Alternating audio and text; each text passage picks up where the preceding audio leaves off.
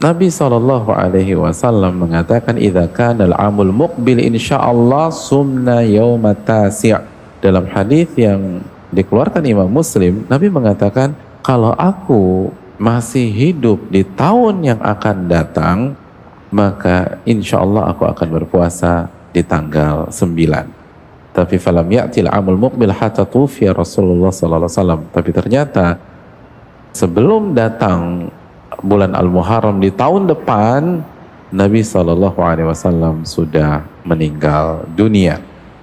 Dan di dalam riwayat yang lain Nabi kata la asuman natasi' itu pakai beberapa ada waktu taukid atau takkid. Jadi benar-benar saya akan puasa tahun depan. Hadirin yang Allah muliakan dan sekali lagi tujuannya adalah untuk menyelisih Yahudi dan Nasrani Nabi ingin berpuasa tanggal 9 tapi tidak berhasil. Oleh karena itu hadirin yang Allah muliakan, berpuasa tanggal 9 Al-Muharram ini memang belum dilakukan Nabi SAW, tapi ini impian Nabi SAW. Di masyarakat kita itu kita suka ketemu orang-orang yang merenovasi rumahnya di kampung. Padahal dia nggak tinggal di kampung dia.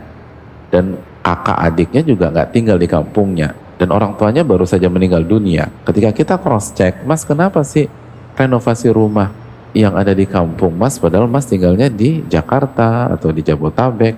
Maka orang-orang seperti itu akan menjawab, betul sih saya nggak tinggal di kampung, tapi ibu saya semasa hidup beliau punya impian dan cita-cita merenovasi rumah di kampung. Qadar Allah tidak kesampaian. Maka saya tergerak sebagai seorang anak untuk mewujudkan cita-cita ibu saya. Dan itu kan cita-cita luhur banyak ibu-ibu di mana-mana kan. Atau mungkin ada orang punya pondok, ketika ditanya kenapa ada punya pondok? Ini cita-cita bapak, tapi nggak kesampaian, belum sudah keburu meninggal dunia. Maka saya tergerak untuk mewujudkan cita-cita tersebut.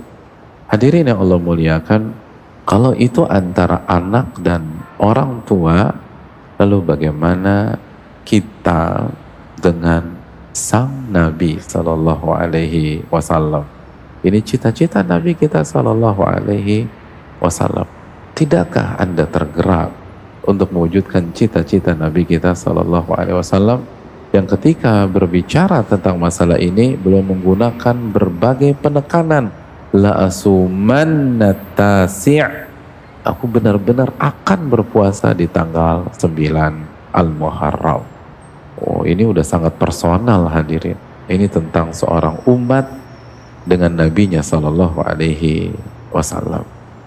Upayakan berpuasa tanggal 10 dan 9